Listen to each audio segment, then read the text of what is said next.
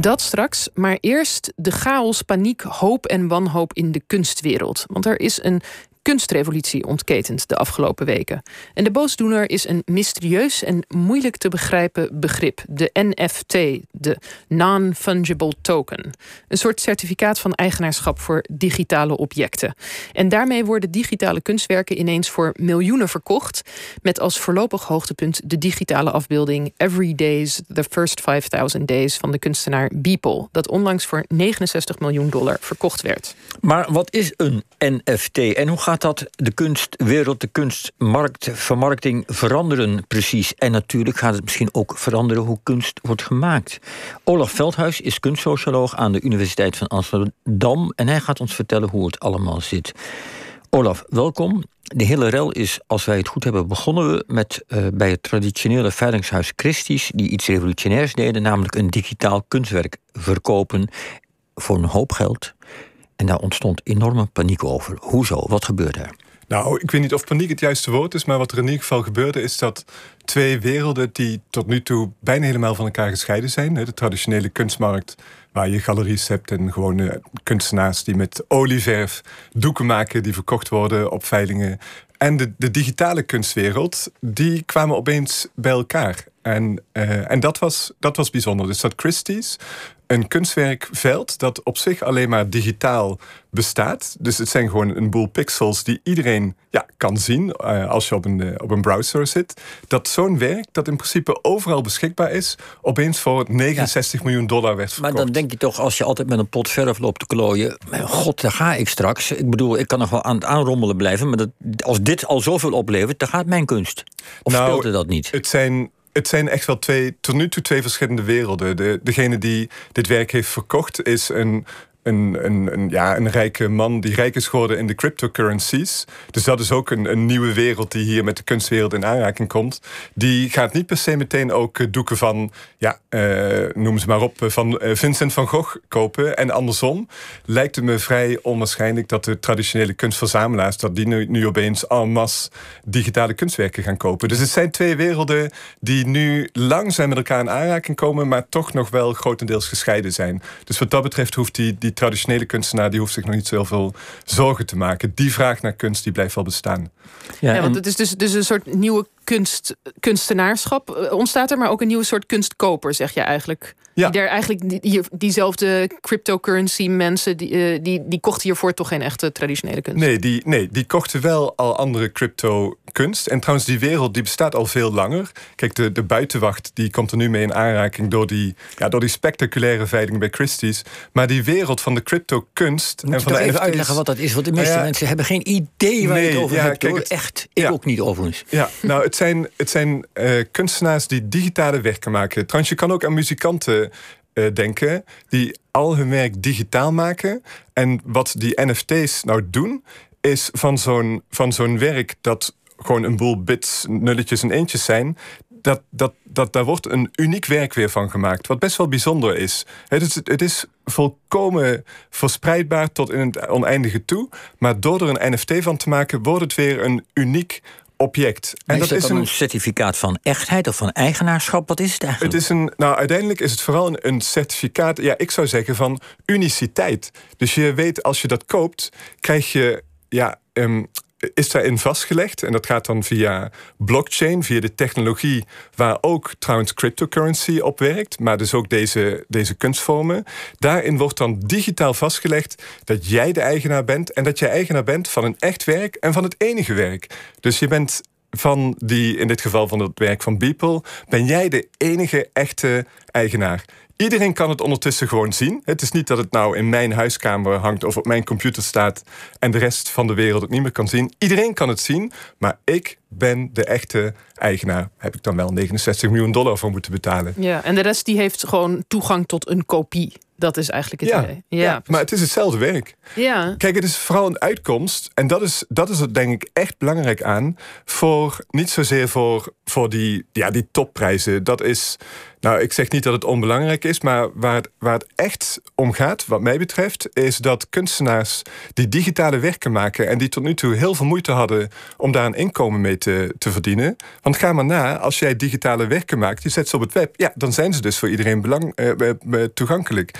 En nu, met deze technologie, is het opeens mogelijk dat jij als kunstenaar... dat je gewoon op een eerlijke manier gecompenseerd wordt voor je werk. en dat was toen.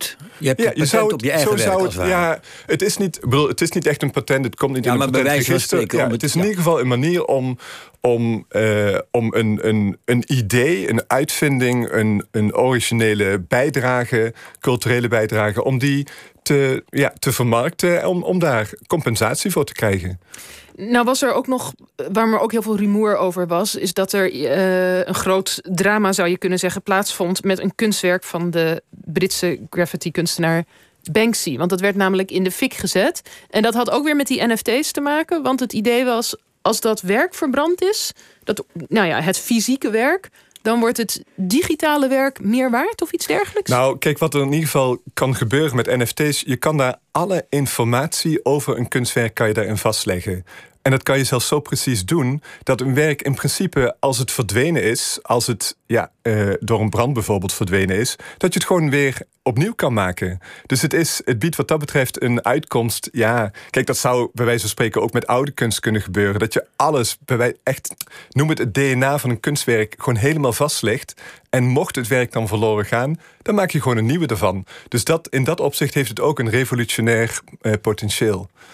Ja, en, en, maar er zijn ook mensen die dan zeggen van... god, eh, het is dus misschien ook wel een reden uh, voor mensen... om dan die originele werken kapot te maken. Want dan, als ze dan beschikking hebben over die NFT's... dan zijn zij opeens de enige eigenaar van dat werk. Ja, ik vind dat zelf een hele rare gedachte. Kijk, um, wat je op de kunstmarkt ziet...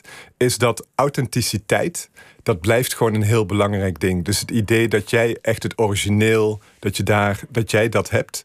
Uh, en dat het ook een uniek werk is. Ik denk trouwens ook dat met deze uh, opkomst van de NFT's gaan echt niet, gaat die oude kunstwereld, die gaat echt niet verdwijnen. Het is niet zo dat mensen daar nu opeens geen belangstelling meer voor hebben. Het is een, een toevoeging aan de kunstwereld, niet een, een verdringing van de oude Maar hoe moet je het dan zien? Want in de tijd dat bijvoorbeeld de fotografie opkwam, waren er heel veel portretkunstenaars die in uh, ongereden raakten, dachten daar gaat mijn boterham.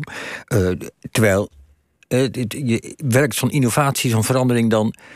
Ja, jij zegt eigenlijk het bedreigt de gewone kunst niet. Maar hoe reageert de kunstwereld er eigenlijk op? Ik bedoel, ga, ik, ik, ik zit wat lastig te formuleren, maar ik ben eigenlijk op zoek noem, noem eens wat voorbeelden van eerdere technologische innovaties van deze soort. Nou ja, fotografie is een heel interessant voorbeeld. Kijk, waar je om te beginnen ziet dat die inderdaad de, de portretkunst, de, gewoon de schilderportretkunst, niet heeft verdrongen. Die bestaat nog steeds. Als je nu een portret wil laten maken, ja, dan kan je twee dingen doen. Je kan naar een fotograaf of je kan naar een schilder.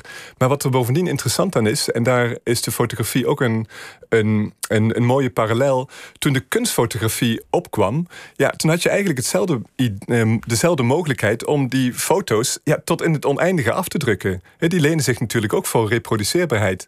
Maar de kunstmarkt die die is echt gedreven door schaarste. Dus wat met de opkomst van de kunstfotografie gebeurde, is dat foto's in kleine oplages werden afgedrukt. Als je een foto koopt in een galerie, dan is die vaak maar, ja, zijn er maar vier of, of, of negen andere exemplaren van. Ze worden in beperkte oplages afgedrukt om de schaarste te creëren en zo de prijzen op te drijven. En dat is precies wat hier nu ook gebeurt. er wordt op een enorm artificiële manier wordt er schaarste gecreëerd om, om daarmee ja, prijzen omhoog eh, te drijven uh, aan de bovenkant van de markt. En uh, voor, voor uh, ja, wat, meer, wat minder bekende kunstenaars... om in ieder geval ervoor te zorgen dat ze überhaupt wat krijgen. Want anders zouden ze niks krijgen. Je hebt het steeds over de procedure. Hoe deze, dit, dit nieuwe NFT als het ware de authenticiteit van de kunst... en, en de schaarste beschermt. Waar we ook wel benieuwd naar zijn... is heeft, hebben technische innovaties als deze, dus nu de digitale kunst de fotografie waar we het net over hadden. Zijn er meer voorbeelden van hoe, hoe nieuwe innovaties, uitvindingen de kunst beïnvloeden en andere kunstenaars denken dat kan ik ook en, en de kunst wezenlijk veranderen? Heeft, is het denkbaar dat kunst wezenlijk gaat veranderen door, dit soort innovaties? Um, ja, wezenlijk gaat veranderen. Kijk, um, uh, ik denk dat iedere innovatie, ook door, door bijvoorbeeld weer die, die opkomst van de fotografie, dat heeft een impact gehad op de, op de schilderkunst. Dat is zonder meer waar. Als je historisch kijkt, dan is de, het, de, de functie van de, van de schilderkunst om gewoon het uh, de werkelijkheid af te beelden, die is minder belangrijk geworden. Ik neem aan, maar dat is zo moeilijk eh, te voorspellen bij dit soort innovaties, wat dat precies gaat doen met de traditionele kunst.